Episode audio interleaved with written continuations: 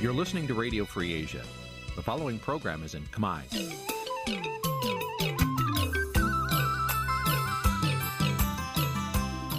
នេះជាកម្មវិធីផ្សាយ Vuthu Azizi Serai នេះជាកម្មវិធីផ្សាយរបស់ Vuthu Azizi Serai ជាភាសាខ្មែរ Vuthu Azizi Serai សូមស្វាគមន៍លោកអ្នកនាងទាំងអស់ពីរដ្ឋធានី Washington នៃសហរដ្ឋអាមេរិក បាទពីរដ្ឋធានីវ៉ាស៊ីនតោនខ្ញុំបាទសេកបណ្ឌិតសូមជម្រាបសួរអស់លោកអ្នកនាងកញ្ញាទាំងអស់ជាទីមេត្រីខ្ញុំបាទសូមជូនកម្មវិធីផ្សាយសម្រាប់ព្រឹកថ្ងៃសុក្រ7កើតខែមិញឆ្នាំថោះបច្ចស័កពុទ្ធសករាជ2567ត្រូវនៅថ្ងៃទី16ខែកុម្ភៈគ្រិស្តសករាជ2024បាទជាដំបូងនេះសូមអញ្ជើញអស់លោកអ្នកនាងស្ដាប់ព័ត៌មានប្រចាំថ្ងៃដែលមានមេត្តាដូចតទៅ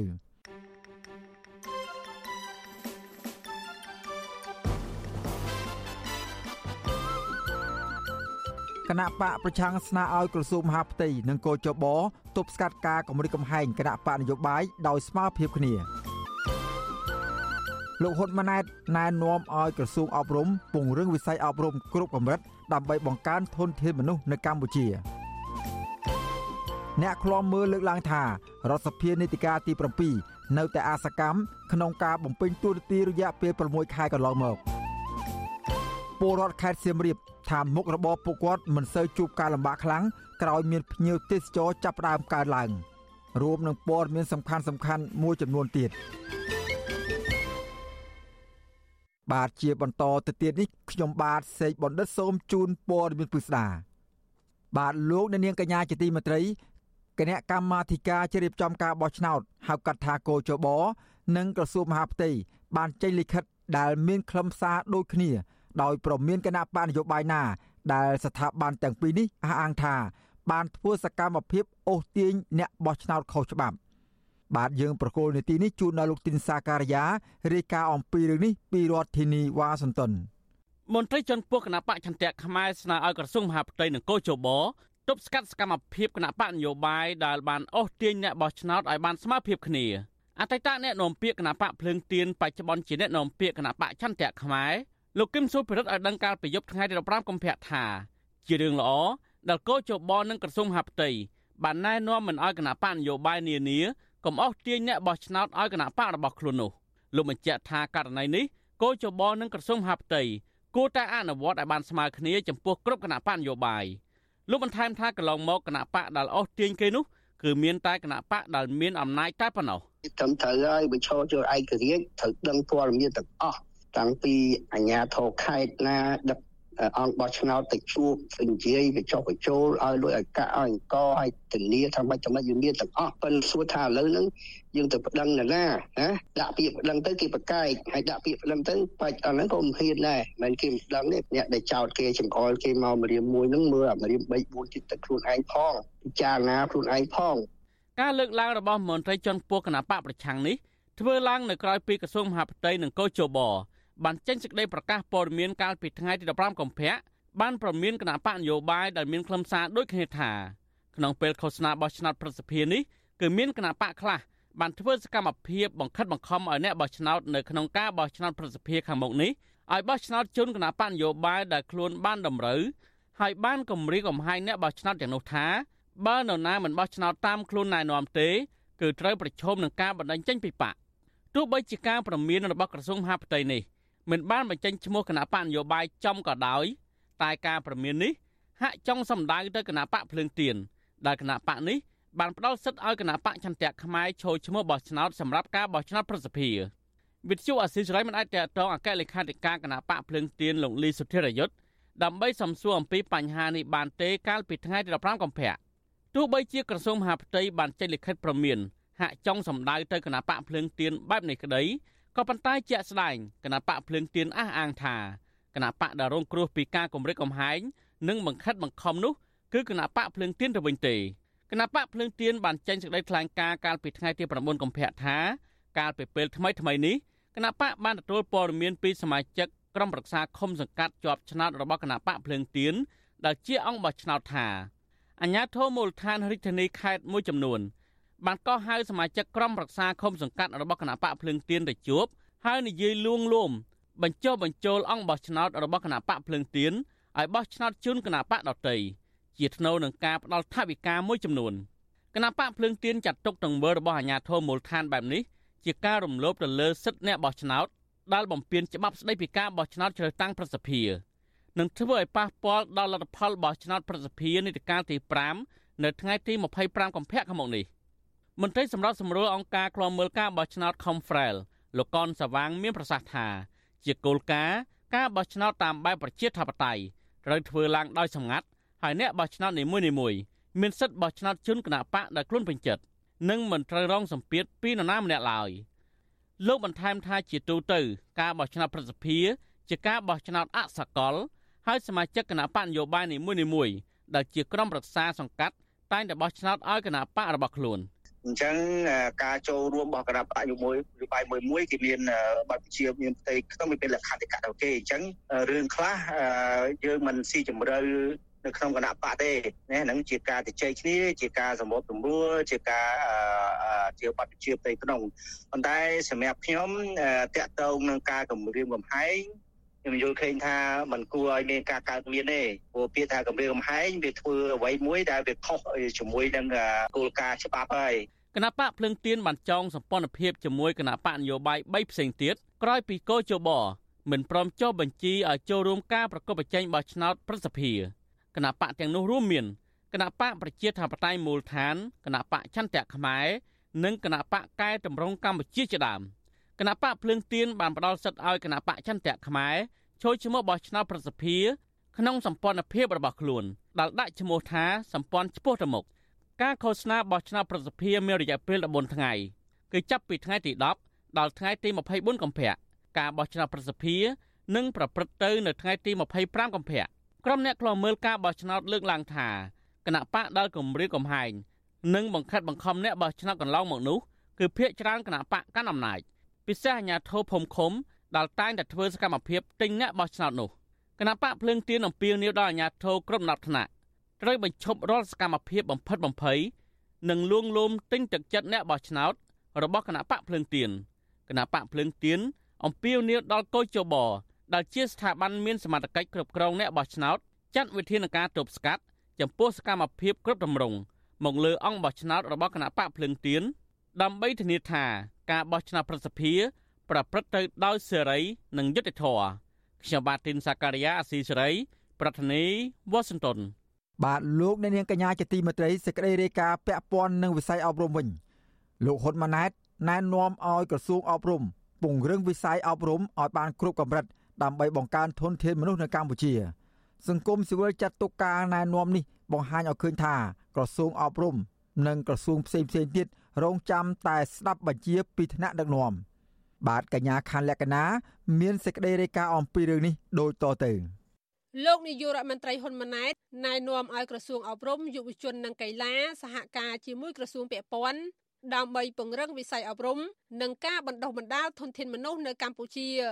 ក្នុងពិធីសម្ពោធអគារសាកលវិទ្យាល័យជាតិគ្រប់គ្រងសាខាវាស្បូវនិងប្រគល់សញ្ញាបត្រជូននិស្សិតនៅថ្ងៃទី15កុម្ភៈលោកហ៊ុនម៉ាណែតលើកឡើងថា ការកសាងមូលធនមនុស្សមិនមែនគ្រាន់តែនិយាយនោះទេ តែរដ្ឋាភិបាលបានរៀបចំគោលនយោបាយរួចហើយលោកជំរុញឲ្យក្រសួងអប់រំយកចិត្តទុកដាក់ឲ្យកាន់តែខ្ពស់លើការអភិវឌ្ឍធនធានមនុស្សទាំងបរិមាណនិងគុណភាពដើម្បីឆ្លើយតបឲ្យកាន់តែប្រសើរទៅនឹងតម្រូវការ និងការកើនឡើងនៃការប្រកួតប្រជែងក្នុងទីផ្សារការងារ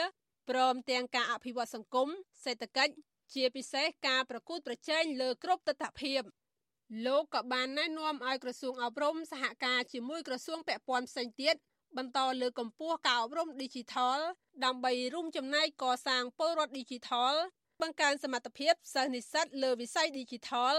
ហើយបង្កើនប្រសិទ្ធភាពនៃការបង្រៀន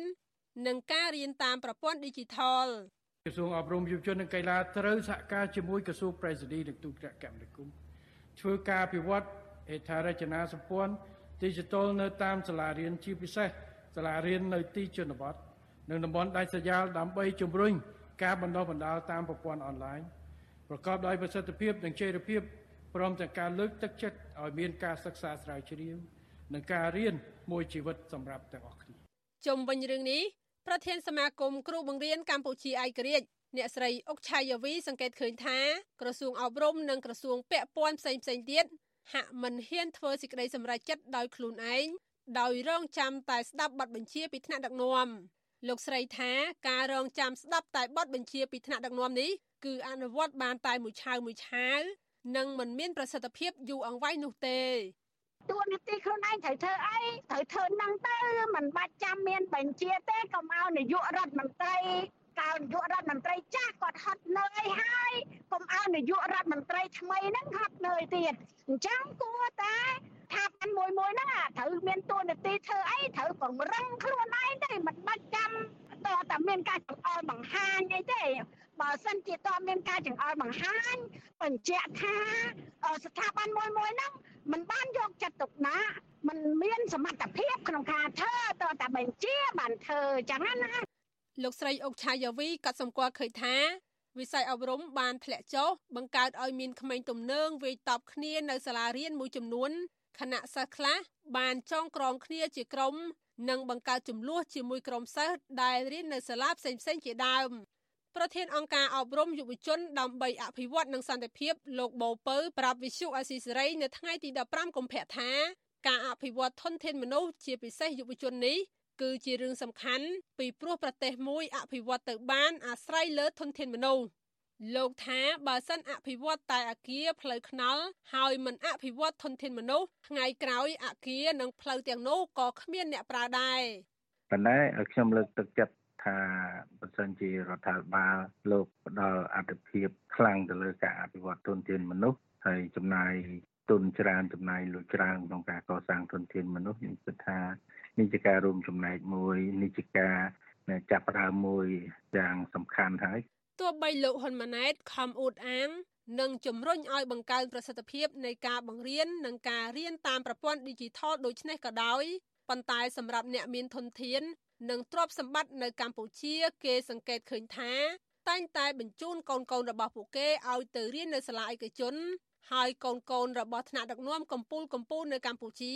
ពួកគេត្រូវបានឪពុកម្ដាយបញ្ជូនឲ្យទៅរៀនសាលានៅក្រៅប្រទេសខណៈកូនអ្នកក្រវិញ បានបោះបង់ការសិក្សាដើម្បីជួយរកប្រាក់ផ្គត់ផ្គង់គ្រួសារនិងដោះបំណុល របាយការណ៍របស់ក្រសួងអប់រំយុវជននិងកីឡាបង្ហាញថា ក្នុងឆ្នាំ2021-2022អត្រាសិស្សដែលបោះបង់ចោលការសិក្សានៅកម្រិតមធ្យមសិក្សាទុតិយភូមិឬវិទ្យាល័យមានចំនួន18.5%និងអត្រាត្រួតថ្នាក់1.1%ចំណែកអត្រាបោះបង់ការសិក្សានៅកម្រិតមធ្យមសិក្សាបឋមភូមិ និងកម្រិតអនុវិទ្យាល័យមានចំនួន16.6%និងអត្រាសិស្សត្រួតថ្នាក់មាន1.2%ក្រសួងថាកត្តាដែលនាំឲ្យសិស្សបោះបង់ការសិក្សានេះគឺបណ្ដាលមកពីកត្តាបុគ្គលនិងជីវភាពគ្រួសារក្រីក្រ ដែលជាបញ្ហាប្រឈមធ្ងន់ធ្ងរខ្ញុំខណ្ឌលក្ខណាវັດឈុអសីសេរីសេចក្តីរាយការណ៍ជាបន្តទៅទៀតនេះយើងផ្ដោតទៅលើសហគមន៍ខ្មែរនៅឯប្រទេសអូស្ត្រាលីនោះវិញ។ បាទព្រះសង្ឃនិងសហគមន៍ខ្មែរនៅទីក្រុងមែលប៊នប្រទេសអូស្ត្រាលីគ្រោងដើរដង្ហែក្បួនធម្មយាត្រាដាក់ញត្តិជូនសមាជិកសភាសហព័ន្ធអូស្ត្រាលី នៅថ្ងៃទី17ខែកុម្ភៈការដាក់ញត្តិនេះពួកគាត់ស្នើសុំឲ្យតំណាងរាស្ត្រជួយជំរុញទៅនាយករដ្ឋមន្ត្រីអូស្ត្រាលី លើកយកបញ្ហាប្រជាធិបតេយ្យនិងការរំលោភសិទ្ធិមនុស្សទៅជជែកជាមួយលោកហ៊ុនម៉ាណែតក្នុងពេលដែលនាយករដ្ឋមន្ត្រីថ្មីរូបនេះ ចូលរួមនៅក្នុងកិច្ចប្រជុំកំពូលអាស៊ានអូស្ត្រាលី នៅដើមខែមីនាខាងមុខនេះបាទយើងប្រកូលនាទីនេះជូននៅលោកថាថៃរាយការណ៍អំពីរឿងនេះដូចតទៅព្រះសង្ឃនិងសហគមន៍ខ្មែរនៅទីក្រុងមែលប៊នក្រុងធ្វើធម្មយាត្រាមួយនៅថ្ងៃទី17ខែកុម្ភៈដោយដាក់ឈ្មោះថាធម្មយាត្រាដើម្បីសន្តិភាពនៅកម្ពុជា តាមគម្រោងនៃធម្មយាត្រានេះពួកគាត់នឹងជួបជុំគ្នានៅម៉ោង11ព្រឹកនៅផ្សារ Springwell ហើយបន្ទាប់មក ពួកគាត់នឹងដើរដង្ហែក្បួនទៅដាក់ញត្តិជូនសមាជិកសភាសហព័ន្ធអូស្ត្រាលីលោក Julian Hill នៅការិយាល័យរបស់លោកនៅក្រុង Dandenong នៅម៉ោង2រសៀលគោលបំណងនៃការដាក់ញត្តិនេះគឺប្រសង់នឹងប្រជាសហគមន៍ខ្មែរស្នើសុំឲ្យលោក Julian Hill ជួយជំរុញទៅនាយករដ្ឋមន្ត្រីអូស្ត្រាលីឲ្យលើកឡើងពីបញ្ហាប្រជាធិបតេយ្យនិងការគោរពសិទ្ធិមនុស្ស ជាមួយលោកហ៊ុនម៉ាណែតក្នុងពេលលោកមកចូលរួមកិច្ចប្រជុំកំពូលអាស៊ានអូស្ត្រាលីនៅទីក្រុងមែលប៊នចាប់ពីថ្ងៃទី4ដល់ថ្ងៃទី6ខែមីនាឆ្នាំ2024ប្រដេចប្រគុណផុនសែនដារុងដែលនឹងនិមន្តចូលរួមធម្មយាត្រានេះមានសង្ឃដីកាថាមមូលហេតុដែលប្រសង់និងប្រជាពលរដ្ឋខ្មែរធ្វើធម្មយាត្រាដើម្បីដាក់ញត្តិស្វែងរកកិច្ចអន្តរាគមន៍ពីតំណាងរាស្ត្រអូស្ត្រាលីនេះ ដោយសារមកទល់ពេលនេះប្រទេសកម្ពុជាក្រោមការគ្រប់គ្រងរបស់លោកហ៊ុនម៉ាណែតនៅតែមិនបានធ្វើឲ្យស្ថានភាពសិទ្ធិមនុស្សនិងប្រជាធិបតេយ្យល្អប្រសើរឡើយព្រះសង្ឃអង្គនេះអំពាវនាវឲ្យប្រជាពលរដ្ឋខ្មែរចូលរួមធម្មយាត្រានៅថ្ងៃទី17ខែកុម្ភៈខាងមុខនេះឲ្យបានចំនួនច្រើន ធម្មយាត្រាមានសារៈសំខាន់ខ្លាំងព្រោះចំពោះឲ្យខ្មែរយើងព្រោះទី1ដើម្បីសន្តិភាពនៅកម្ពុជាយើងហើយដើម្បីទាមទារឲ្យមានដោះលែងអ្នកនយោបាយខ្មែរយើងដែលគាត់ជាប់គុំនៅស្រុកខ្មែរហ្នឹងព្រោះហើយដើម្បីឲ្យថ្នាក់ដឹកនាំនៅស្រុកខ្មែរយើងដឹកនាំប្រកបដោយលទ្ធិប្រជាធិបតេយ្យព្រោះខ្លឹមសារញត្តិដែលក្រុងដាក់ជូនសមាជិកសភាសហព័ន្ធអូស្ត្រាលីនោះរៀបរាប់ថា សហគមន៍ខ្មែរព្រួយបារម្ភជាខ្លាំងខណៈដែលលោកហ៊ុនម៉ាណែតនឹងមកចូលរួមកិច្ចប្រជុំកំពូលអាស៊ានអូស្ត្រាលីក្នុងពេលដ៏ខ្លីខាងមុខនេះសហគមន៍ខ្មែរមើលឃើញថាលោកហ៊ុនម៉ាណែតមានចរិតដូចឪពុករបស់លោកដែរដែលនឹងប្រើប្រាស់ឱកាសនេះថតរូបជាមួយមេដឹកនាំផ្សេងផ្សេងដើម្បីឃោសនាអួតអាងពីទូនាទីជានាយករដ្ឋមន្ត្រីស្របច្បាប់តាមប្រព័ន្ធផ្សព្វផ្សាយក្នុងស្រុកបើទោះបីជាការបោះឆ្នោតកាលពីឆ្នាំមុនជាការបោះឆ្នោតคล้ายៗគ្មានសេរីនិងយុត្តិធម៌ក្តីសហគមន៍ខ្មែរលើកឡើងក្នុងញត្តិទៀតថា នៅមុនកិច្ចប្រជុំកំពូលនេះលោកហ៊ុនម៉ាណែតកំពុងប៉ុនប៉ងបង្កើតបណ្ដាញបង្កវិធានសនាដើម្បីបំភាន់មតិសាធារណៈការដាក់សម្ពាធនិងបង្ខិតបង្ខំបរដ្ឋខ្មែរអូស្ត្រាលីឲ្យទៅចូលរួមសកម្មភាពជាមួយពួកគេដែលជាការបំពានច្បាប់ស្តីពីការជ្រៀតជ្រែកពីបរទេសលើសពីនេះលោកហ៊ុនម៉ាណែតដោយឪពុករបស់លោកដែរលោកនឹងមានពិធីជួបជុំជាមួយមនុស្សរាប់រយនាក់ក្នុងនោះបូករួមទាំងមនុស្សមកពីស្រុកខ្មែររាប់សិបនាក់ជាមួយលោកព្រមទាំងអ្នកធ្វើជំនួញដែលតម្រូវឲ្យមានភាពស្មោះត្រង់ជាមួយរដ្ឋាភិបាល តាមរយៈការស៊ីសំណូកនិងអំពើពុករលួយជាដើមនៅក្នុងញត្តិនោះសហគមន៍ខ្មែរស្នើសុំឲ្យនាយករដ្ឋមន្ត្រីអូស្ត្រាលីលោក Anthony Albanese ជំរុញទៅលោកហ៊ុនម៉ាណែតឲ្យគោរពតាមកិច្ចព្រមព្រៀងសន្តិភាពទីក្រុងប៉ារីសដោះលែងអ្នកទោសនយោបាយរួមមានមេបកប្រឆាំងលោកកឹមសុខាសកម្មជនសិទ្ធិការងារកញ្ញាឈឹមស៊ីធកែតម្រង់ប្រព័ន្ធយុតិធធពង្រឹងលទ្ធិប្រជាធិបតេយ្យនិងអនុញ្ញាតឲ្យមានការបោះឆ្នោតដោយសេរីនិងយុត្តិធម៌ក្រៅពីនេះសហគមន៍ខ្មែរស្នើឲ្យលោកហ៊ុនម៉ាណែត បញ្ឈប់បញ្ជូនភ្នាក់ងារមកគម្រាមកំហែងបង្កការភ័យខ្លាចនិងបំបែកបំបាក់សហគមន៍ខ្មែរក្នុងប្រទេសអូស្ត្រាលីសហគមន៍ខ្មែរក៏ព្រួយបារម្ភអំពីការកសាងមូលដ្ឋានទ័ពចិននៅសមុទ្ររៀមដែលនឹងបង្កឲ្យមានអស្ថិរភាពក្នុងតំបន់ញត្តិនេះចុះហត្ថលេខាដោយប្រធានសហព័ន្ធខ្មែរអូស្ត្រាលីសាជីវកម្មលោកហុងលឹមប្រធានសមាគមខ្មែរលោកជីយូហុនតំណាងរាស្ត្រដើមកំណើតខ្មែរលោកតាក់មិញហៀងតំណាងគណៈបកសង្គ្រោះជាតិលោកអិនហេមរា តំណាងអង្គការសម្ព័ន្ធខ្មែរដើម្បីកិច្ចព្រមព្រៀងសន្តិភាពទីក្រុងប៉ារីសស្តីពីកម្ពុជាលោកជាចន្ទថោងនិងតំណាងសហព័ន្ធខ្មែរកម្ពុជាក្រោមលោកលឹមណារ៉ាជុំវិញរឿងនេះវិទ្យុអាស៊ីសេរីមិនអាចសុំការឆ្លើយតបពីប្រធានអង្គភិបអ្នកនាំពាក្យរដ្ឋាភិបាលលោកប៉ែនបូណាបានទេនៅថ្ងៃទី15ខែកុម្ភៈចំណែកអ្នកនាំពាក្យគណៈបកកណ្ដាលអំណាចលោកសុកអេសានក៏បដិសេធឆ្លើយតបរឿងនេះដែរ ទីប្រឹក្សាជាន់ខ្ពស់នៃអង្គការសម្ព័ន្ធខ្មែរដើម្បីកិច្ចព្រមព្រៀងសន្តិភាពទីក្រុងប៉ារីសស្តីពីកម្ពុជាលោកជាចន្ទថោងមានប្រសាសន៍ថាការដាក់ញត្តិរបស់សហគមន៍ខ្មែរនេះដើម្បីឲ្យរដ្ឋាភិបាលអូស្ត្រាលីបន្តដឹងឮអំពីរដ្ឋាភិបាលកម្ពុជាសប្តាហ៍ថ្ងៃនេះនៅតែរំលោភសិទ្ធិមនុស្សប្រជាធិបតេយ្យការមិនអនុវត្តឲ្យបានគ្រប់ជ្រុងជ្រោយតាមស្មារតីកិច្ចព្រមព្រៀងសន្តិភាពទីក្រុងប៉ារីសជាពិសេសរដ្ឋាភិបាលកម្ពុជាបន្តបញ្ជូនភ្នាក់ងារមកបំបីបំបាក់សហគមន៍ខ្មែរ លោកសង្កេតឃើញថាក្រុមអ្នកកាន់អំណាចនៅកម្ពុជាសប្តាហ៍ថ្ងៃនេះជាក្រុមមនុស្សផ្ដាច់ការនឹងពុករលួយជាងមេដឹកនាំផ្ដាច់ការនៅប្រទេសផ្សេងផ្សេងទៀតដូចជាប្រទេសគុយបាជាដើមអ្វីអ្វីដែលខ្ញុំមើលឃើញគឺថាកុម្មុយនីសក៏មិនចំកុម្មុយនីសសេរីក៏មិនចំសេរីយើងខ្លាយទៅជារបបមួយដែលគេហៅថាពុករលួយនិយមទៅវិញណាអឺបណ្ដាប្រទេសកុម្មុយនីសនានាគេក៏គិតអំពីផលប្រយោជន៍ជាតិគេច្រើនជាងបញ្ហាបុគ្គលវណ្ណៈក្រុមបពុ គេមានយុតិធម៌ក្នុងសង្គមជាងខ្ញុំលើកឧទាហរណ៍ដូចជាប្រទេសគុយបាទីចុះបើនិយាយអំពីសុវត្ថិភាពសន្តិសុខវិញគឺគេមានល្អជាងយើងហើយការប្រព្រឹត្តនៅអំពើពុករលួយក៏តិចជាងយើងដែរហើយយើងយើងត្រូវដឹងថាយើងនឹងធ្វើបាបប្រជាពលរដ្ឋយើងកេងប្រវ័ញ្ចយើងធ្វើឲ្យពលរដ្ឋយំស្រែកប្លន់ដីធ្លាយហ្នឹងនៅប្រទេសទាំងអស់នោះអត់មានទេហើយយើងធ្វើនឹងធ្វើវាខ្លាំងពេកតែខ្ញុំមិនអាចអោបដៃឈោមើលកើតទេការពិតទៅខ្ញុំចាំតែគ្រប់គ្រងថាប្រសិនបើកាត់បន្ថយនៅអំពើពុករលួយ បពុនិយមគ្រួសារនិយមនឹងឲ្យចេះគោរពច្បាប់ជានីតិរដ្ឋពិតប្រាកដក៏ប៉ុន្តែខ្ញុំអត់ឃើញការដឹកនាំមុនរហូតដល់រដ្ឋាភិបាលក្រោយវារឹតតែកើននៅអំពើពុករលួយបពុគ្រួសារនិយមនឹងកាន់តែខ្លាំងទៅទៀតបាទសហគមន៍ខ្មែរនៅប្រទេសអូស្ត្រាលីគូបញ្ជាក់ថាពួកគាត់នឹងនៅតែបន្តលើកឡើងពីបញ្ហាអវិជ្ជមាននៅកម្ពុជាដើម្បីបង្ហាញពីសាមគ្គីភាពជាមួយពលរដ្ឋខ្មែររងគ្រោះនិងបន្តលើកឡើងនៅអ្វីដែលបានសន្យាក្នុងកិច្ចព្រមព្រៀងសន្តិភាពទីក្រុងប៉ារីសទន្ទឹមគ្នានេះ ពួកគាត់ក៏នឹងបន្តជំរុញទៅរដ្ឋាភិបាលអូស្ត្រាលីឲ្យជួយដោះស្រាយបញ្ហាទាំងនេះដែរខ្ញុំថាថៃពីទីក្រុងមែលប៊ន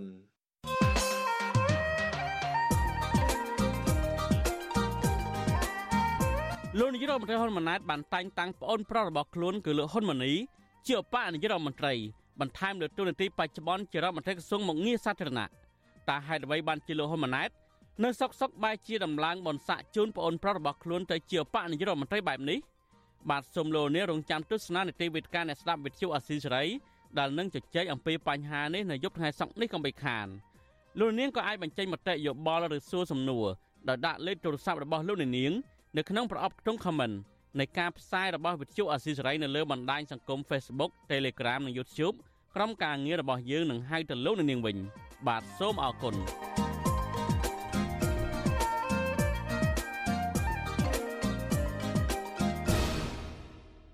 បាទលោកនាងកញ្ញាជាទីមេត្រី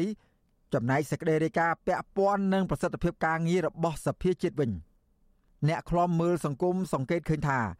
ដ្ឋសភានីតិកាលទី7ហាក់អសកម្មក្នុងការដោះស្រាយបញ្ហាជួបប្រជាពលរដ្ឋដែលកំពុងជួបប្រទះការលំបាកក្នុងជីវភាពរស់នៅប្រចាំថ្ងៃ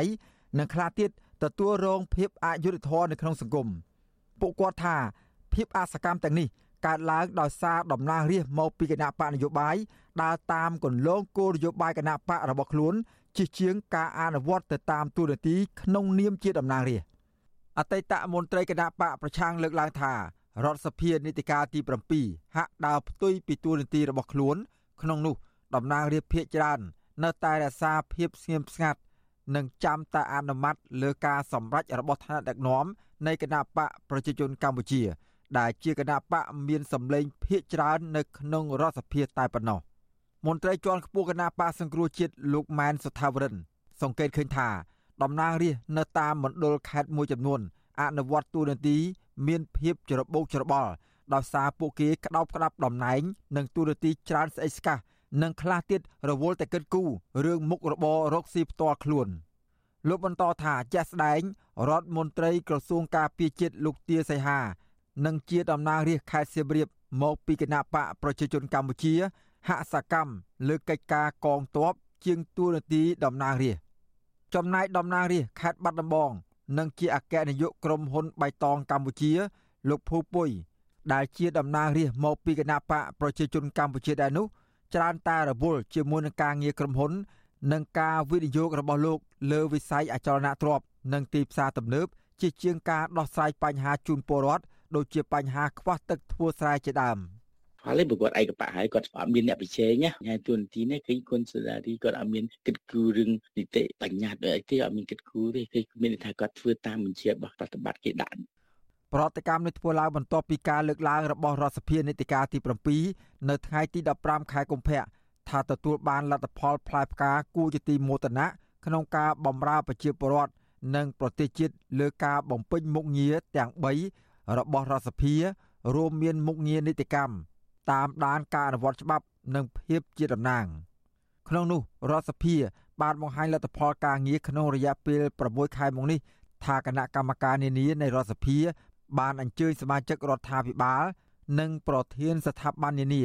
និងអង្គភាពឲ្យមកប្រជុំពិភាក្សាការងារដើម្បីសិក្សាស្វែងយល់អំពីការអនុវត្តកម្មវិធីនយោបាយ និងយុទ្ធសាស្ត្របញ្ចកោណដំណាក់កាលទី1របស់រាជរដ្ឋាភិបាលនីតិកាលទី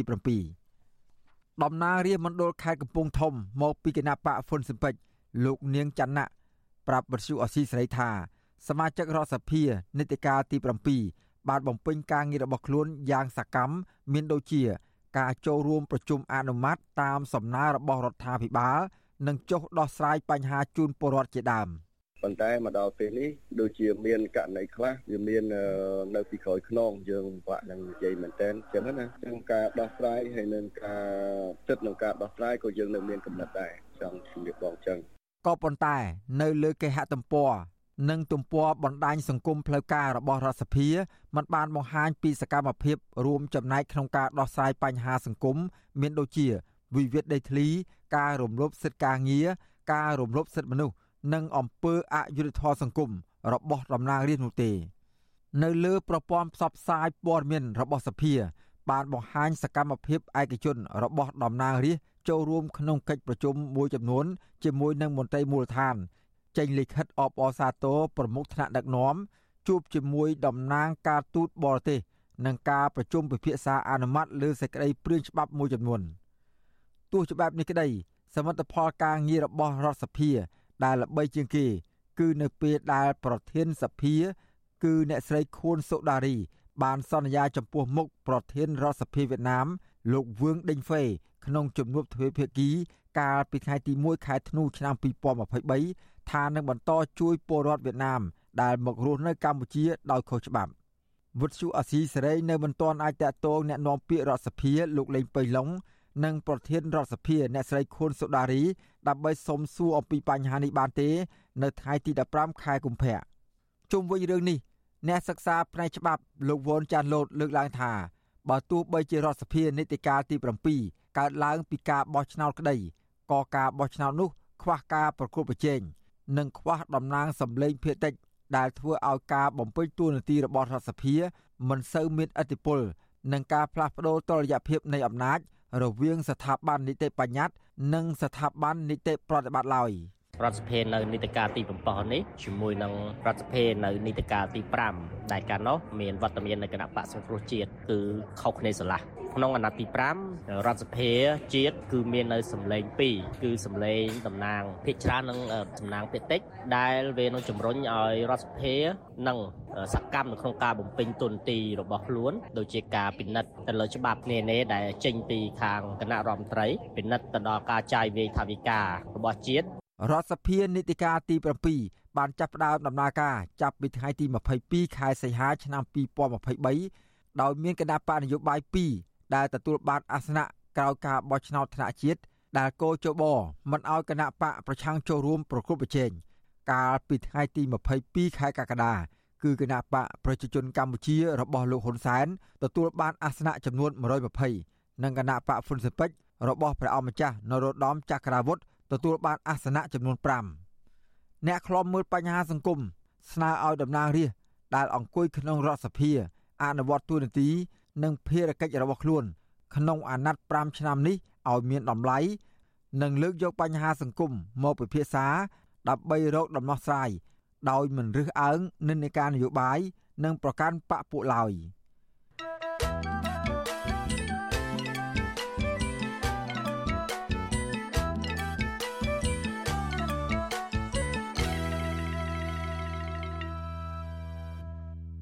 បាទលោកអ្នកនាងកញ្ញាជាទីមេត្រី ឥឡូវនេះយើងមកតាមដានសំណុំរឿងលោកកងសរនវិញម្ដងសាលាអធរប្រចាំតំបន់ខេត្តបាត់ដំបង នៅថ្ងៃទី15ខែកុម្ភៈបានប្រកាសសាលដីកាដោយបដិសេធបណ្ដឹងជំទាស់របស់សកម្មជនបញ្ចេញមតិលើបណ្ដាញសង្គមលោកកងសរនដោយរក្សាការសម្រេចរបស់សាលាដំបងខេត្តបន្ទាយមានជ័យឲ្យលោកកងសរនជាប់ពន្ធនាគារ3ឆ្នាំដដែលក៏ប៉ុន្តែការប្រកាសសាលដីកានេះ តុលាការមិនអនុញ្ញាតឲ្យក្រុមគ្រួសាររបស់លោកកងសរនបានចូលស្ដាប់ បានចូលរួមស្ដាប់និងមានឱកាសជួបមុខប្តីនោះឡើយបាទយើងប្រកូលនាទីនេះជូនដល់លោកហុំចម្រើនរាយការណ៍អំពីរឿងនេះជូនលោកដានាងពីរដ្ឋធានីវ៉ាស៊ីនតោនប្រពន្ធរបស់លោកកងសរនគឺអ្នកស្រីហងជ្រាបប្រាប់បទជអស៊ីសេរីនៅថ្ងៃទី15ខែកុម្ភៈថាការសម្រេចរបស់សាលាតោប្រចាំតំបន់ខេត្តបាត់ដំបងនេះគឺជារឿងអយុត្តិធម៌អ្នកស្រីបញ្ជាក់ថា អ្នកស្រីនឹងដាក់ពាក្យប្តឹងទៅតុលាការកំពូលក្រុងភ្នំពេញបន្តទៀតដើម្បីរកយុត្តិធម៌ឲ្យប្តីរបស់លោកស្រីមកគេថាមិនលើកលើកលែងទោសឲ្យនៅទៀតទៅគាត់ថាចេះឲ្យតស៊ូទៅធ្វើម៉េចឯងបើថាខ្ញុំគ្រាន់តែញ៉ៃប៉ុណ្ណោះឲ្យមានទោសទៅដាក់តទៀតមិនដឹងធ្វើម៉េចទេញ៉ៃទៅប្រោះទៅគាត់ថាខ្ញុំថាទៅផ្ទះទៅឯងតែខ្ញុំក៏ចេញមកមកទៅផ្ទះទៅថ្ងៃនេះមកទៅពីព្រឹកចាំមើលខ្លាចឲ្យជួបខ្ញុំជួបទៅក៏ខ្ញុំក៏មានប្រាប់ថាទៅផ្ទះទៅទៅ វិទ្យុអាស៊ីសេរីមិនអាចតាក់ទងអ្នកនាំពាក្យសាឡាវតខេត្តបាត់ដំបងអ្នកស្រីទៀងសម្បូរដើម្បីសាកសួរជុំវិញបញ្ហានេះបានទេនៅថ្ងៃទី15ខែកុម្ភៈជុំវិញរឿងនេះអ្នកសម្របសម្រួលអង្គការលីកាដូប្រចាំខេត្តបន្ទាយមានជ័យលោកភុនឈិនមានប្រសាសន៍សោកស្ដាយនៃការសម្រេចរបស់សាឡាវតនេះឃើញថាអ្វីដែលគាត់បានធ្វើកន្លងមកហ្នឹងវាគ្រាន់តែជាការបញ្ចេញទស្សនៈយោបល់របស់គាត់តទៅទៅនឹងជំនឿនយោបាយរបស់គាត់ណា ហើយករណីហ្នឹងយើងគិតថាវាមិន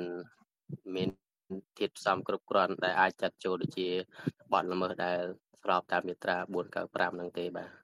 នៅថ្ងៃទី5ខែកុម្ភៈចៅក្រមព្រឹក្សាជំនុំជម្រះនៃសាឡាវតោបាត់ដំបង បានបើកសវនាការជម្រះក្តីសំណុំរឿងរបស់លោកកងសរននៅក្នុងសវនាការសាកសួរលោកកងសរនបានបញ្ជាក់នៅចំពោះមុខតុលាការថា លោកជាមនុស្សស្អាតស្អំ ដោយពុំបាន ប្រព្រឹត្តខុសច្បាប់ដោយការចោទប្រកាន់របស់សាលាដំបងខេត្តបន្ទាយមានជ័យឡើយទន្ទឹមគ្នានេះលោកបានបង្ហាញឆន្ទៈដោយសុកចិត្តស៊ូទ្រាំលំបាកនៅក្នុងពន្ធនាគារទោះជាស្ថានភាពគ្រួសារក្រីក្រនិងជំពាក់បំណុលធនាគារយ៉ាងណាក្តីលោកកងសរនរស់នៅភូមិបន្ទាយមួយឃុំទួលបង្រស្រុកម៉ាឡៃខេត្តបន្ទាយមានជ័យលោកត្រូវបានអាជ្ញាធរចាប់ខ្លួនដាក់ពន្ធនាគារ កាលពីថ្ងៃទី25ខែវិច្ឆិកាឆ្នាំ2023បន្ទាប់ពីតុលាការខេត្តបន្ទាយមានជ័យផ្តន្ទាទោសដាក់ពន្ធនាគារចំនួន3ឆ្នាំពាក់ព័ន្ធនឹងការបង្ហោះវីដេអូលើ Facebook របស់លោកអំឡុងពេលយុទ្ធនាការឃោសនាបោះឆ្នោតខែកក្កដាឆ្នាំ2023នៅក្នុងវីដេអូផ្សាយផ្ទាល់នោះលោកបានចោទជាសំណួរថាតើក្រោយគណៈបកប្រជាជនឈ្នះឆ្នោតនឹងមានវិធានការដេញពលរដ្ឋវៀតណាមចេញ ឬបន្តឲ្យហូរចូលដោយខុសច្បាប់បន្តទៀត កាលនៅមានសេរីភាពលោកកនសរនធ្លាប់ប្រាប់វិទ្យុអាស៊ីសេរីថា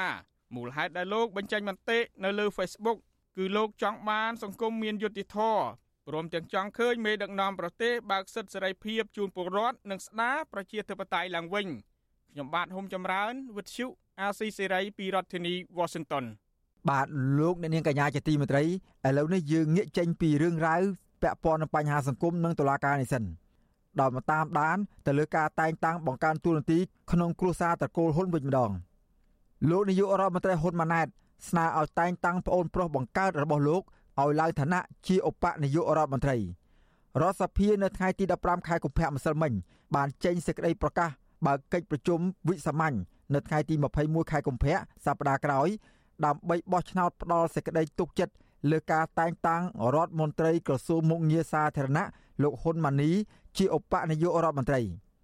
ក្រៅពីការបោះឆ្នោតផ្ដល់សេចក្តីទុកចិត្តលើការតែងតាំងលោកហ៊ុនម៉ាណីរដ្ឋសភា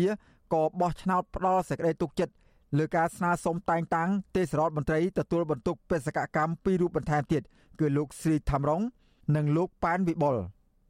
លោកស្រីថាំរង និងលោកប៉ែនវិបុលមានតួនាទីជារដ្ឋមន្ត្រី ប្រតិភូអមនាយករដ្ឋមន្ត្រី និងឡើងឋានៈ ជាទេសរដ្ឋមន្ត្រីទទួលបន្ទុកបេសកកម្មពិសេសរដ្ឋាភិបាលរបស់លោកហ៊ុនម៉ាណែតមានឧបនាយករដ្ឋមន្ត្រីចំនួន10នាក់និងទេសរដ្ឋមន្ត្រីចំនួន20នាក់រួចមកហើយដូចនេះបើសិនរាប់ទាំងលោកហ៊ុនម៉ាណីមួយទៀតឧបនាយករដ្ឋមន្ត្រីនឹងឡើងដល់ចំនួន11នាក់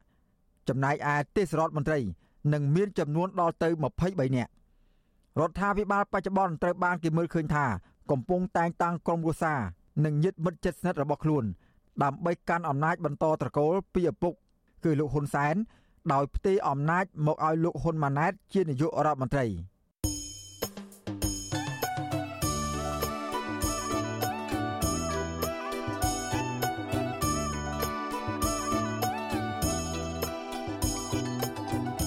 បាទលោកអ្នកនាងកញ្ញាជាទីមេត្រីលោកអ្នកនាងកំពុងតាមដានស្ដាប់ការផ្សាយរបស់វិទ្យុអសីសេរីពីរដ្ឋធានីវ៉ាស៊ីនតោនសហរដ្ឋអាមេរិក បាទក្រៅពីលោកអ្នកនាងតាមដានស្ដាប់ការផ្សាយរបស់យើងខ្ញុំតាមរយៈបណ្ដាញសង្គមមាន YouTube Facebook និងបណ្ដាញសង្គមថ្មីរួមមាន Telegram និង Instagram នោះលោកអ្នកនាងក៏អាចស្ដាប់ការផ្សាយរបស់យើងខ្ញុំតាមរយៈវិទ្យុរលកធារកាសខ្លីឬ Shortwave បានដែរបាទពេលព្រឹកចាប់ពីម៉ោង5កន្លះដល់ម៉ោង6កន្លះតាមរយៈប៉ុស SW 12.14 MHz ស្មើនឹងកម្ពស់ 25m និងប៉ុស SW 13.71 MHz ស្មើនឹងកម្ពស់ 22m នៅពេលយប់ចាប់ពីម៉ោង7កន្លះដល់ម៉ោង8កន្លះតាមរយៈប៉ុស SW 9.33 MHz ស្មើនឹងកម្ពស់ 32m ប៉ុស SW 11.88 MHz ស្មើនឹងកម្ពស់ 25m និងប៉ុស SW 12.15 MHz ស្មើនឹងកម្ពស់ 25m បាទសូមអរគុណ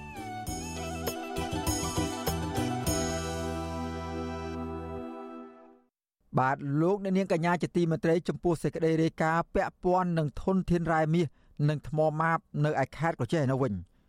ប្រជាពលរដ្ឋរស់នៅតំបន់អូត្រូនខេត្តក្រចេះអះអាងថា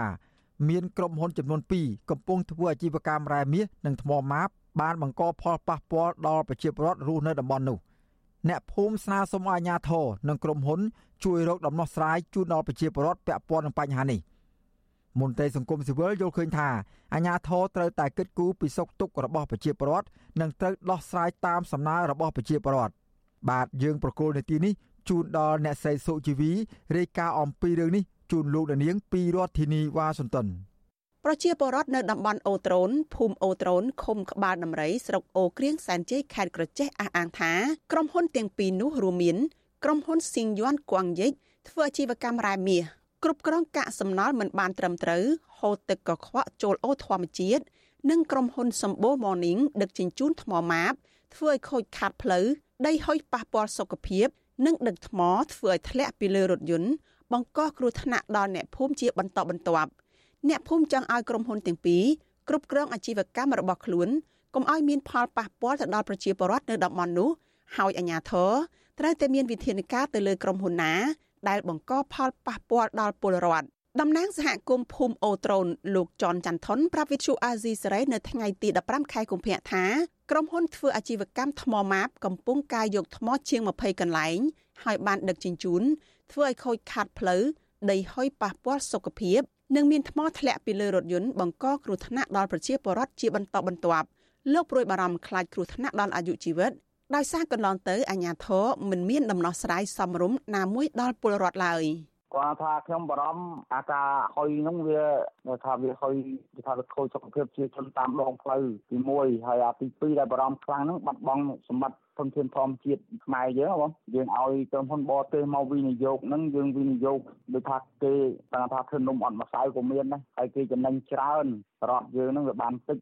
លោកចនច័ន្ទថនចង់ឃើញរដ្ឋាភិបាលគិតគូរថែរក្សាសម្បត្តិជាតិប្រសើរជាងបណ្ដោយឲ្យក្រុមហ៊ុនឯកជនទាំងនោះបំផ្លាញនិងមិនបានប្រយោជន៍អ្វីដល់ជាតិជាដុំកំភួនឡើយរីឯសកម្មជនចលនាមេដាធម្មជាតិលោកលីច័ន្ទដារាវុធឲ្យដឹងថាលោកមិនគាំទ្រចំពោះគម្រោងដែលបង្កឲ្យមានផលប៉ះពាល់ទៅដល់ប្រជាពលរដ្ឋនោះទេហើយរាល់គម្រោងទាំងនោះមិនមានផលចំណេញដល់ប្រទេសជាតិដែរដោយសារកន្លងទៅថ្មីថ្មីនេះ រដ្ឋាភិបាលបានលើកលែងពន្ធនាំចេញថ្មទៅក្រៅប្រទេសលោកបន្ថែមថារដ្ឋាភិបាលត្រូវតែសិក្សាឲ្យបានត្រឹមត្រូវនិងមានដំណាភាពនៅលើគម្រោងទាំងនោះដើម្បីកុំឲ្យមានផលប៉ះពាល់ដល់ពលរដ្ឋ យុទ្ធសាស្ត្ររដ្ឋាភិបាលគួរតែធ្វើការការពារធនធានធម្មជាតិនៅក្នុងប្រទេសកម្ពុជាដោយយកចិត្តទុកដាក់ជាជាងការទាញយកធនធានធម្មជាតិទាំងអស់នោះនៅក្នុងលបឿនមួយដ៏លឿនហើយមួយទៀតហ្នឹងគឺបំផ្លិចបំផ្លាញអ្វីដែលមានស្រាប់ជាពិសេសគឺភ្នំដូចនេះវាមិនសមហេតុផលតទៅសោះដែលយើងត្រូវដូរធនធានធម្មជាតិដ៏មានតម្លៃរបស់យើងជាមួយនឹងចំនួនដែលមិនផ្ដល់ផលចំណេញដល់កម្ពុជាតទៅសោះបាទជុំវិញរឿងនេះវិទ្យុអាស៊ីសេរីមិនអាចតាក់ទងអភិបាលខេត្តក្រចេះលោកវ៉ាថននិងប្រធានមន្ត្រីរ៉ែនិងធម្មពលខេត្តក្រចេះ លោកសុកគិរីរតដើម្បីសុំការអធិប្បាយបានទេ នៅថ្ងៃទី15ខែកុម្ភៈដោយសារទូរស័ព្ទចូលតែគ្មានអ្នកលើកសហគមន៍លើកឡើងថាក្នុងមួយថ្ងៃក្រុមហ៊ុនសម្បូរមុនីងដឹកជញ្ជូនថ្មតាមរថយន្តចាប់ពី70គ្រឿងទៅ100គ្រឿងទៅលក់នៅប្រទេសវៀតណាមនិងប្រទេសចិនចំណែកក្រុមហ៊ុនចិនសឹងយ័នខ្វាងយិចវិញអង្គការសមត្ថភាពកម្ពុជាបានរកឃើញថាក្រុមហ៊ុននេះកំពុងធ្វើឲ្យប៉ះពាល់បរិស្ថាននៅជុំវិញតំបន់ដែលប្រជាពលរដ្ឋកំពុងរស់នៅសពថ្ងៃ កាលពីថ្ងៃទី29ខែកញ្ញាឆ្នាំ2023អគ្គនាយកនៃអគ្គនាយកដ្ឋានគយនឹងរដ្ឋកោកម្ពុជា លោកគុណញឹមបានណែនាំឲ្យក្រុមហ៊ុនឈ្មួញដែលធ្វើអាជីវកម្មថ្មធម្មជាតិធ្វើតាមការអនុញ្ញាតរបស់រដ្ឋាភិបាលដើម្បីងាយស្រួលជាងមុនក្នុងការនាំចេញថ្មធម្មជាតិទាំងមិនទាន់កែច្នៃនិងកែច្នៃរួចតែកទៅនឹងបញ្ហានេះនាយកប្រតិបត្តិសមាគមបណ្ដាញយុវជនកម្ពុជា លោកហេងកំហុងយល់ឃើញថា រាល់ការធ្វើអាជីវកម្មដែលបង្កផលប៉ះពាល់ដល់ប្រជាពលរដ្ឋមូលដ្ឋានអាជ្ញាធរមូលដ្ឋានត្រូវតែចុះសិក្សាស្រាវជ្រាវនិងរាយការណ៍ជូនអាជ្ញាធរថ្នាក់ជាតិដើម្បីចុះត្រួតពិនិត្យនិងត្រូវផ្អាកសកម្មភាពទាំងនោះជាបន្ទាន់បើមិនដូច្នោះទេនឹងធ្វើឲ្យពលរដ្ឋរងផលប៉ះពាល់កាន់តែខ្លាំង។ ដូច្នេះយើងខ្ញុំមានការបារម្ភបារម្ភខ្លាំងមែនទែននៅតែបង្កការរំខាន បង្កហានិភ័យទៅដល់សហសវត្ថភាពសហគមន៍យើងខ្ញុំទទូចថាសូមឲ្យមានការផ្អាកជាបដអាសន្នរហូតទៅដល់ក្រុមហ៊ុននេះគោរពទៅតាមបទដ្ឋានស្តង់ដារច្បាស់លាស់បើសិនជាមិនអញ្ចឹងទេវាអាចបង្កគ្រោះថ្នាក់ខ្លាំងទៅដល់ពលរដ្ឋនិងប្រព័ន្ធអេកូឡូស៊ីរបស់សហគមន៍មូលដ្ឋានបាទប្រជាពលរដ្ឋនិងមន្ត្រីសង្គមស៊ីវិលជំរុញឲ្យអាជ្ញាធររដ្ឋាភិបាលនិងក្រុមហ៊ុនរកស៊ីទាំងនោះត្រូវមានការទទួលខុសត្រូវខ្ពស់ ដោយមិនត្រូវគិតតែពីផលប្រយោជន៍ផ្ទាល់ខ្លួនហើយមិនខ្វល់ពីការខូចខាតផលប្រយោជន៍សាធារណៈប៉ះពាល់ទៅលើប្រជាពលរដ្ឋនិងបរិស្ថាននោះឡើយនាងខ្ញុំសុជីវីវិទ្យុអាស៊ីសេរីពីរដ្ឋធានី Washington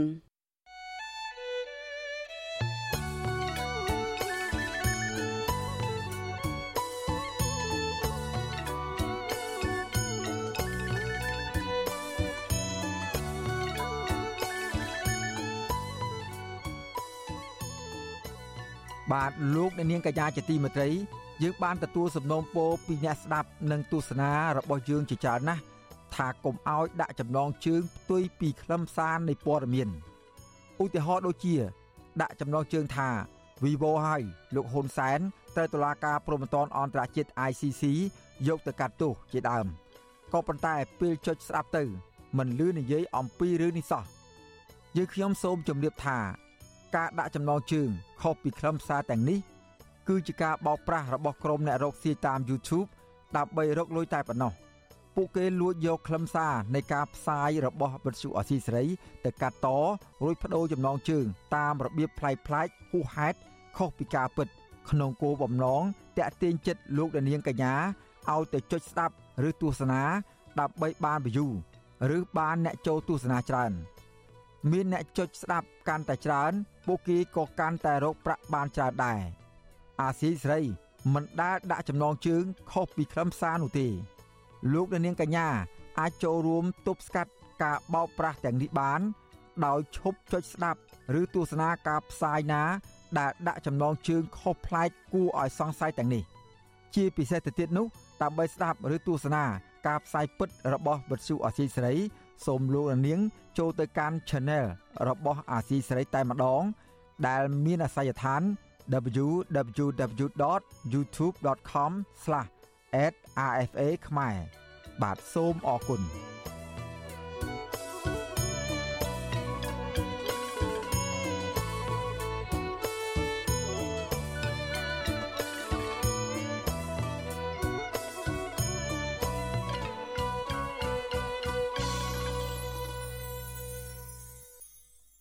បាទលោកអ្នកនាងកញ្ញាជាទីមេត្រីពាក់ព័ន្ធនឹងវិស័យទេសចរជាពិសេសកំណើនភ្ញៀវទេសចរនៅខេត្តសៀមរាបឯនោះវិញ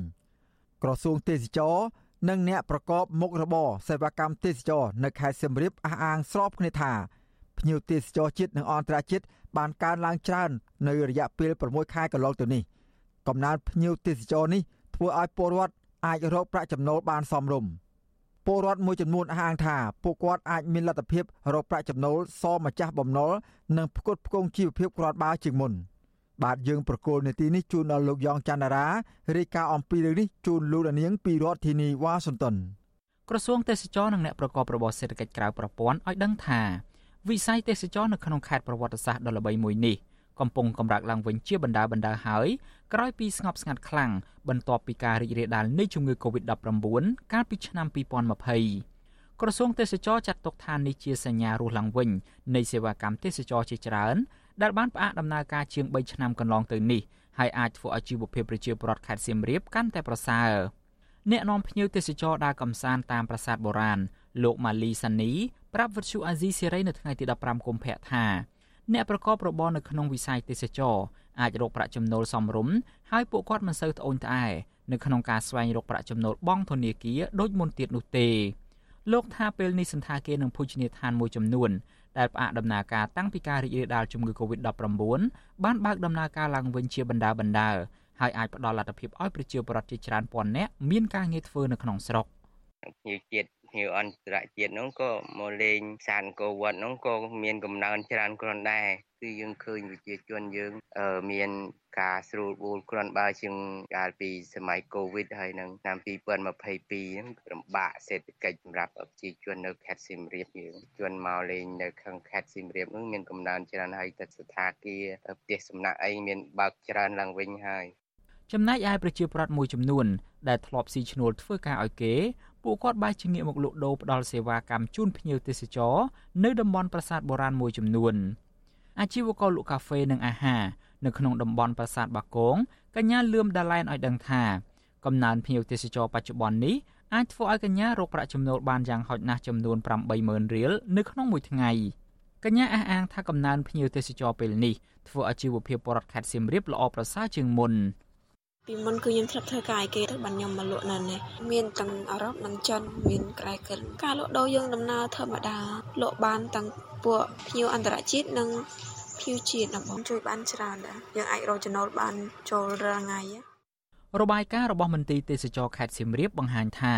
កាលពីឆ្នាំ2023ភ្ញៀវទេសចរជាង2.5លាននាក់បានមកទស្សនាប្រាសាទនានានៅក្នុងខេត្តសៀមរាបដែលកើនឡើង32.35% បើធៀបទៅនឹងឆ្នាំ2022រីឯភ្ញៀវទេសចរដែលទិញសម្បត្តិចូលទស្សនារមណីយដ្ឋានអង្គរក្នុងរង្វង់4500នាក់នៅក្នុងមួយថ្ងៃបើធៀបទៅនឹងមុនជំងឺ Covid-19 ស្ថានភាពទេសចรงើបឡើងក្នុងរង្វង់45%តាក់ទងទៅនឹងរឿងនេះអ្នកនាំពាក្យក្រសួងទេសចរលោកតបសុភ័ក្រប្រាប់វិទ្យុអាស៊ីសេរីថាភ្ញៀវទេសចរមកកំសាន្តនៅក្នុងខេត្តសៀមរាបកំពុងងើបឡើងវិញគួរឲ្យកត់សម្គាល់គិតចាប់តាំងពីខែមករាមកដល់ពេលនេះ មានភ្ញៀវគិតជាមធ្យមច្រើនជាង5000នាក់ក្នុងមួយថ្ងៃលោកថាដើម្បីជំរុញឲ្យមានកំណើនទេសចររដ្ឋាភិបាលនឹងរៀបចំព្រឹត្តិការណ៍ជាច្រើននៅក្នុងខេត្តសៀមរាបដើម្បីតាក់ទាញនិងបង្កើនប្រាក់ចំណូលសម្រាប់ប្រជាពលរដ្ឋ។ ដោយសារខេត្តសៀមរាបជាគោលដៅទេសចរធំហើយក៏រងផលប៉ះពាល់ធ្ងន់ធ្ងរជាងគេអញ្ចឹងមកដល់ពេលនេះស្ថានភាពនឹងទើបងើបឡើងវិញក្នុងរង្វង់45%ទេហើយទោះយ៉ាងណាក្តីនៅក្នុងឆ្នាំ2024នេះតាមការរំពឹងទុកគឺយើងអាចសម្រេចបាននៅចំនួនទេសចរអន្តរជាតិនឹងអាចនឹងវិលត្រឡប់មកដូចដើមដោយកាលពីក្នុងមុនវិបត្តិ COVID-19 ជុំវិញរឿងនេះដែរប្រធានសមាគមប្រជាធិបតេយ្យឯករាជ្យនៃសេដ្ឋកិច្ចក្រៅប្រព័ន្ធលោកវុនពៅសង្កេតឃើញថាភ្ញៀវទេសចរកើនឡើងច្រើនក៏ប៉ុន្តែមិនទាន់ឆ្លើយតបទៅនឹងតម្រូវការរបស់ប្រជាពលរដ្ឋពេញលេញនៅឡើយទេលោកយល់ថារដ្ឋាភិបាលគួរតែរៀបចំរមណីយដ្ឋានតំបន់អង្គរឲ្យមានសន្តិភាពធ្នាប់ល្អរបៀបរៀបរយសន្តិសុខល្អនិងធានានូវសេវាកម្មលក់ដូររួមទាំងសេវាដឹកជញ្ជូនឲ្យមានលក្ខណៈល្អប្រសើរ។ ត្រូវមានយន្តការផ្សេងផ្សេងទៀតឧទាហរណ៍ថារដ្ឋត្រូវលើកទឹកចិត្តយ៉ាងណាបញ្ចុះតម្លៃសម្បត្តិចូលទស្សនាអង្គរឬសបាយតម្លៃវីសាដែលភ្ញៀវទេសចរអឺរ៉ុបមកលេងកម្ពុជានឹងរដ្ឋត្រូវគិតអាចចំណុចនឹងដែរហ្នឹងខ្ញុំគិតថាទាក់ទាញទេសចរអឺរ៉ុបបានបាទរបាយការណ៍របស់ក្រសួងទេសចរឲ្យដឹងថាកម្ពុជាបានទទួលភ្ញៀវទេសចរបរទេសចំនួន5លាន5សែននាក់កាលពីឆ្នាំ2023ដែលជួយឲ្យវិស័យទេសចរកម្ពុជារកចំណូលបានជាង3000លានដុល្លារ កើនឡើងលើសឆ្នាំ2022ចំនួនជាង110%ខ្ញុំយ៉ងច័ន្ទដារាវិទ្យុអាស៊ីសេរី Washington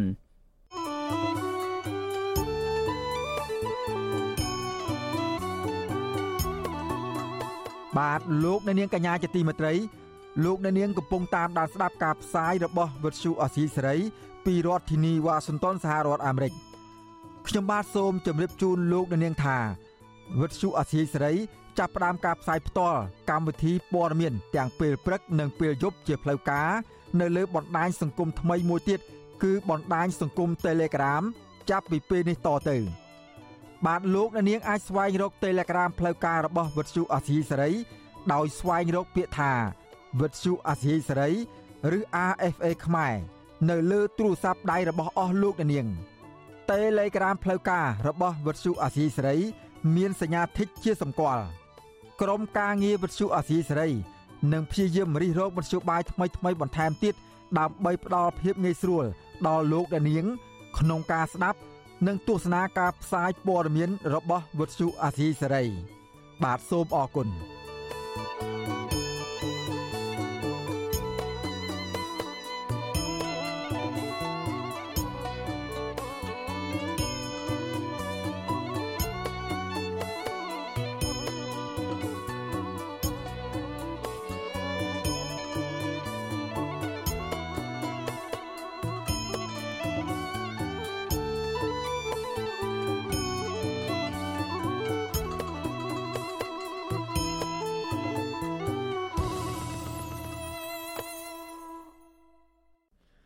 បាទលោកអ្នកនាងកញ្ញាជាទីមេត្រីសេចក្តីរាយការណ៍ជាបន្តទៅទៀតនេះយើងផ្ដោតទៅលើបញ្ហាសុខភាពកុមារ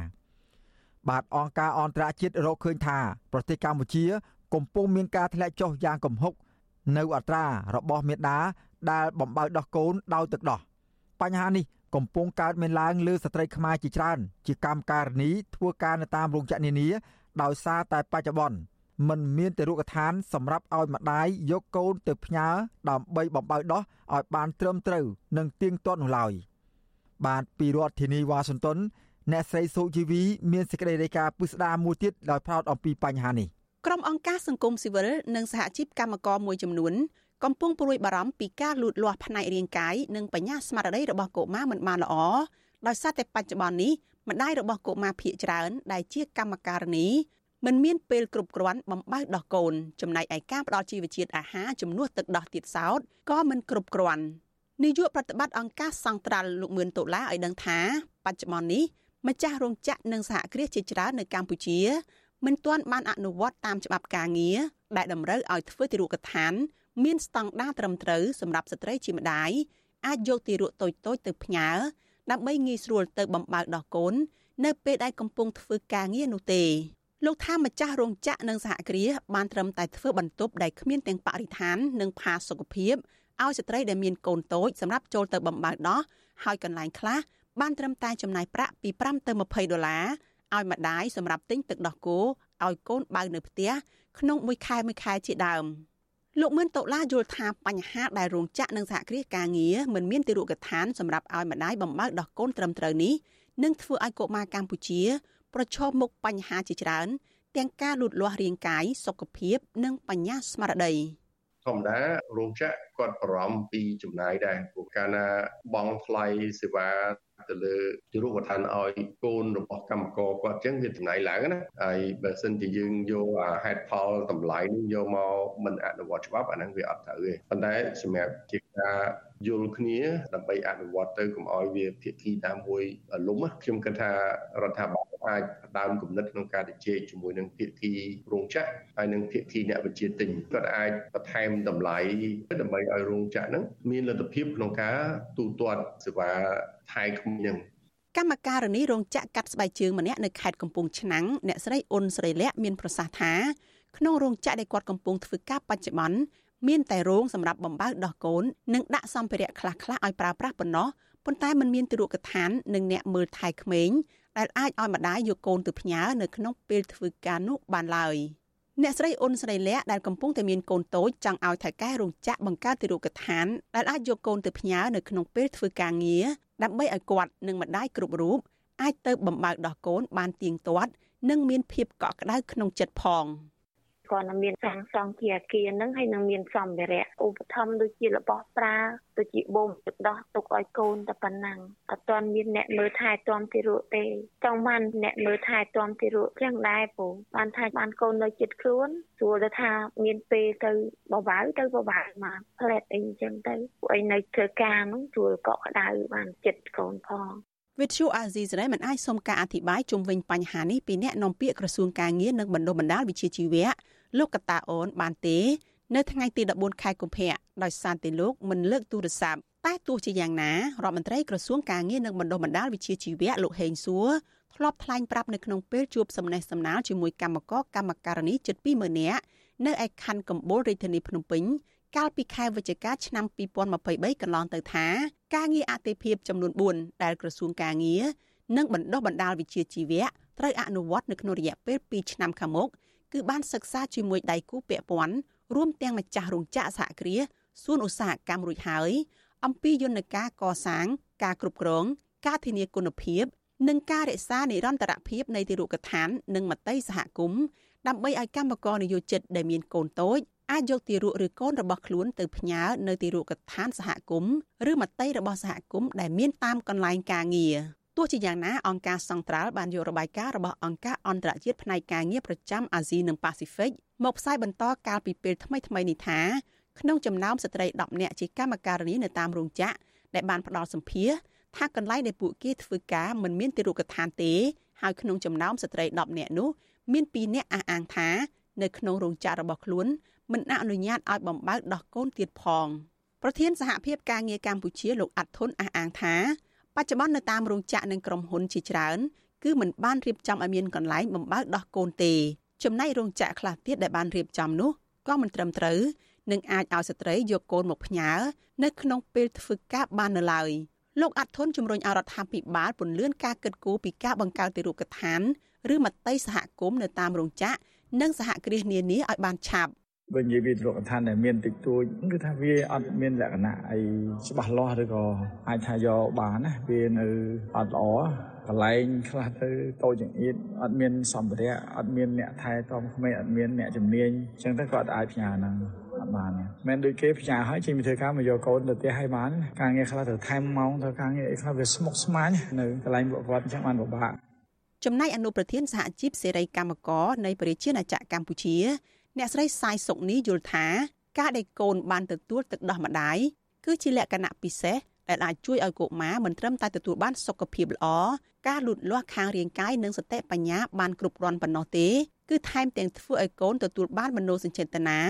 និងភាពកក់ក្ដៅពីម្ដាយហើយម្ដាយក៏អាចគេចផុតពីជំងឺមហារីកសុដន់ផងដែរ។ បើសិនបើយើងគិតគូរអំពីសុខុមាលភាពរបស់កុមារនិងបណ្ដាយគឺវាមានតម្លៃណាស់សម្រាប់សង្គមជាតិទៅថ្ងៃក្រោយពីព្រោះការថែទាំទំពាំងល្អឬសីនោះនឹងល្អសសរទ្រុងជាតិនោះនឹងល្អកុមារវាដូចជាក្តារសយើងដាក់ពណ៌អីវាចេញពណ៌ហ្នឹងគឺកុមារសំខាន់ណាស់ព្រោះឲ្យកុមារនៅក្តីស្រឡាញ់មនោសញ្ចេតនាឲ្យកុមារមានថយលេងឲ្យមានកុមារមានកន្លែងកីឡាលេងឬក៏ play ground ទីឋានដែលមានដើមឈើល្អល្អខ្ញុំយល់ថាកុមារនោះនឹងល្អម្ដាយនឹងល្អហើយគិតអំពីបង្កើនផលិតភាព ច្បាប់ស្តីពីការងារមាត្រា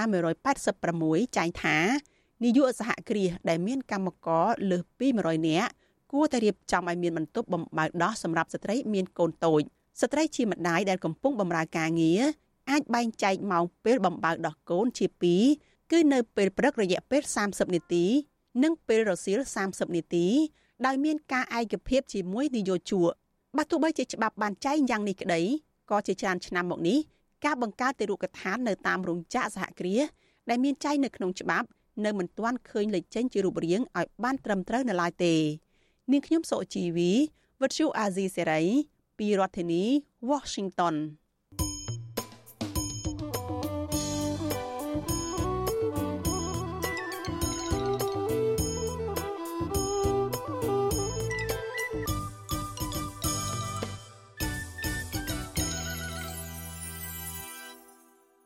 បាទលោកអ្នកនាងកញ្ញាជាទីមេត្រី ការផ្សាយរបស់វិទ្យុអសីសេរីសម្រាប់ព្រឹកនេះចប់តែប៉ុណ្ណេះ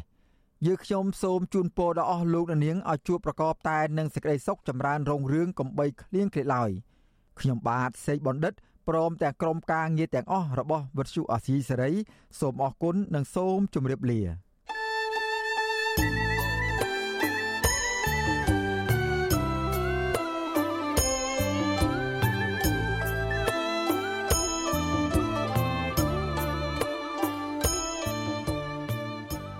ទ្យុអេស៊ីសរ៉ៃផ្សាយតាមរលក ធារកាសខ្លីតាមកម្រិត និងកម្ពស់ដូចតទៅនេះ ពេលព្រឹកចាប់ពីម៉ោង5កន្លះដល់ម៉ោង6កន្លះតាមរយៈប៉ុស SW 93.90 MHz ស្មើនឹងកម្ពស់ 32m និងប៉ុស SW 11.85 MHz ស្មើនឹងកម្ពស់ 25m ពេលយប់ចាប់ពីម៉ោង7កន្លះដល់ម៉ោង8កន្លះតាមរយៈប៉ុស SW 93.30 MHz ស្មើនឹងកម្ពស់ 32m ប៉ុស SW 11.88 MHz ស្មើនឹងកម្ពស់ 25m និងប៉ុស SW 15.15 MHz ស្មើនឹងកម្ពស់ 20m លោកអ្នកនាងក៏អាចស្ដាប់និងទស្សនាការផ្សាយផ្ទាល់នៅលើគេហទំព័រ Visual Asia សេរីតាមរយៈអាស័យដ្ឋាន rfa.org/ ខ្មែរ ក្រៅពីនេះលោកអ្នកនាងក៏អាចអាននិងទស្សនាព័ត៌មាន Visual Asia សេរីលើទូរស័ព្ទដៃរបស់លោកអ្នកនាងផ្ទាល់សូមអញ្ជើញលោកអ្នកនាងដំឡើងកម្មវិធី Vithu Azizi Saray នៅលើទូរស័ព្ទដៃរបស់លោកអ្នកនាងឬស្វែងរក Vithu Azizi Saray នៅលើ YouTube ឬ Facebook ដោយស្វែងរកពាក្យថា Vithu Azizi Saray ឬ RFA ខ្មែរសូមលោកអ្នកនាងចុច like Follow និងចុច Subscribe ដើម្បីទទួលបានព័ត៌មានថ្មីៗតាមហេតុការណ៍និងទស្សនាវីដេអូផ្សេងៗទៀតបានគ្រប់ពេលវេលាយើងខ្ញុំសូមជូនពរដល់លោកអ្នកនាងព្រមទាំងក្រុមគ្រួសារទាំងអស់ឲ្យជួបប្រកបតែនឹងសេចក្តីសុខសេចក្តីចម្រើនរុងរឿងកុំបីឃ្លៀងឃ្លាតឡើយ។